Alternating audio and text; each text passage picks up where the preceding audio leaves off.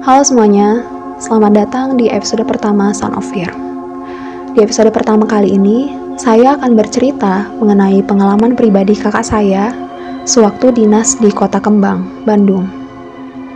Kakak saya selama beberapa tahun terakhir adalah seorang pegawai BUMN.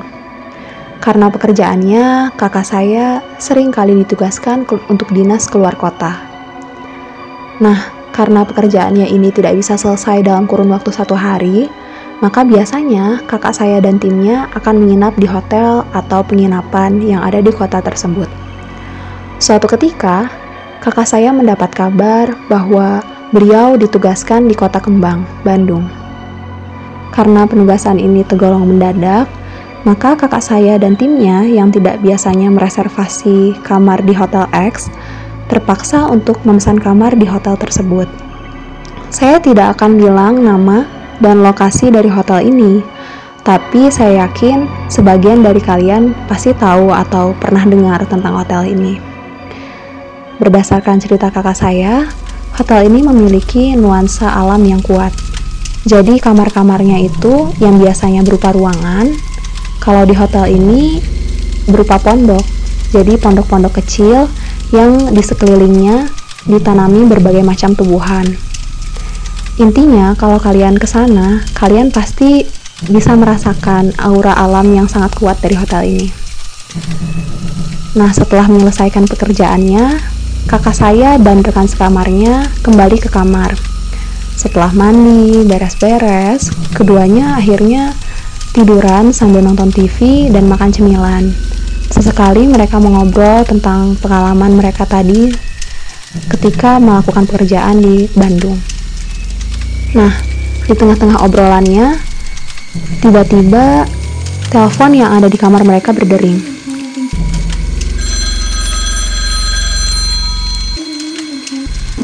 Sebenarnya, kakak saya heran saat itu, karena jam sudah menunjukkan pukul 10 malam tapi tiba-tiba pihak hotel menghubungi kamar mereka. Kemudian kakak saya memutuskan untuk mengangkat telepon tersebut. Tapi alih-alih mendengar suara, yang beliau dengar adalah suara statik. Kalian tahu kan seperti suara TV yang sedang rusak. Nah, kakak saya mencoba untuk mendapatkan mendapatkan respon dari penelpon tersebut. Halo, halo, tapi tetap saja tidak ada jawaban. Akhirnya kakak saya memutuskan untuk menutup saja teleponnya. Tidak berselang lama, telepon kembali berdering untuk kedua kalinya.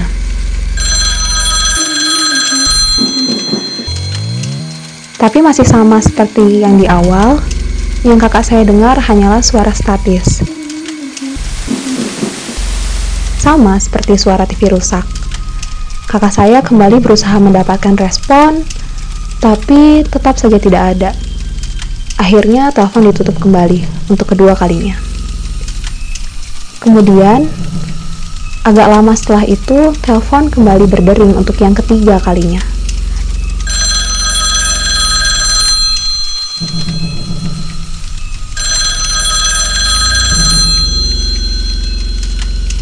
Kali ini bukan kakak saya, tapi rekan sekamarnya yang mengangkat. Tanpa menunggu respon lagi, beliau langsung memarahi penelpon tersebut. Kenapa sih malam-malam begini telepon? Iseng ya? Dengan nada marah. Tapi tetap saja tidak ada jawaban ataupun respon dari penelpon tersebut. Telepon ditutup dan kemudian rekan sekamar kakak saya ini langsung menelpon bagian uh, front desk dari hotel tersebut. Begitu telepon diangkat, rekan kakak saya langsung menyampaikan keluhannya. Mbak, kenapa sih malam-malam begini telepon? Ganggu aja tahu. Iseng ya teleponnya ya. Tiap kali diangkat gak ada suara. Intinya teman kakak saya ini ngomel panjang lebar dengan mbak-mbak yang ada di front desk. Tapi begitu mendengar omelan kakak saya, mbak itu merespon, e, maaf mbak, tapi kami tidak menelpon ke kamar Anda, katanya. Lagi pula ini sudah malam, kami tidak mungkin mengganggu kenyamanan dari tamu hotel kami. Kakak saya dan rekannya langsung kaget. Loh, kok Padahal kan bagian front desk tidak menelpon dan dari kamar lain sepertinya tidak mungkin bisa menelpon ke sini, pikir mereka. Tapi akhirnya pihak front desk meminta mereka untuk tenang dan tidak apa-apa beristirahat saja dan bila nanti ada telepon juga tidak perlu diangkat. Tidak lama setelah itu telepon kembali berdering.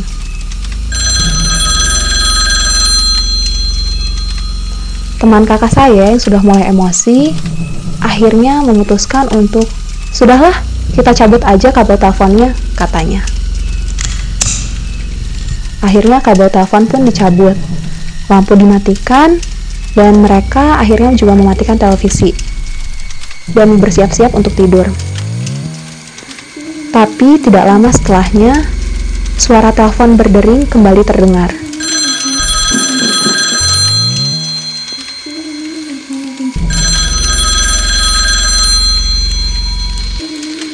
Kakak saya dan temannya langsung tatap-tatapan satu sama lain.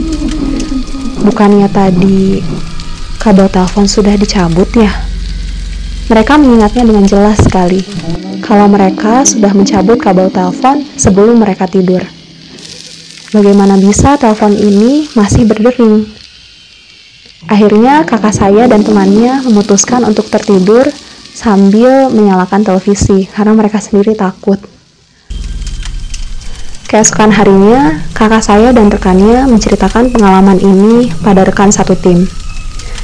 Beberapa di antara mereka mengatakan bahwa hotel ini memang sudah terkenal akan keangkerannya. Jadi tidak heran kalau kakak saya dan rekannya mengalami pengalaman mistis seperti yang mereka alami malam kemarin. Semenjak saat itu, walaupun ada tugas mendadak ke kota Kembang, kakak saya dan timnya tidak akan lagi mereservasi kamar di hotel tersebut. Takut pengalaman itu akan terulang kembali. Sekian cerita dari kami. Terima kasih sudah mendengarkan. Dengarkan juga cerita lainnya di Sound of Fear.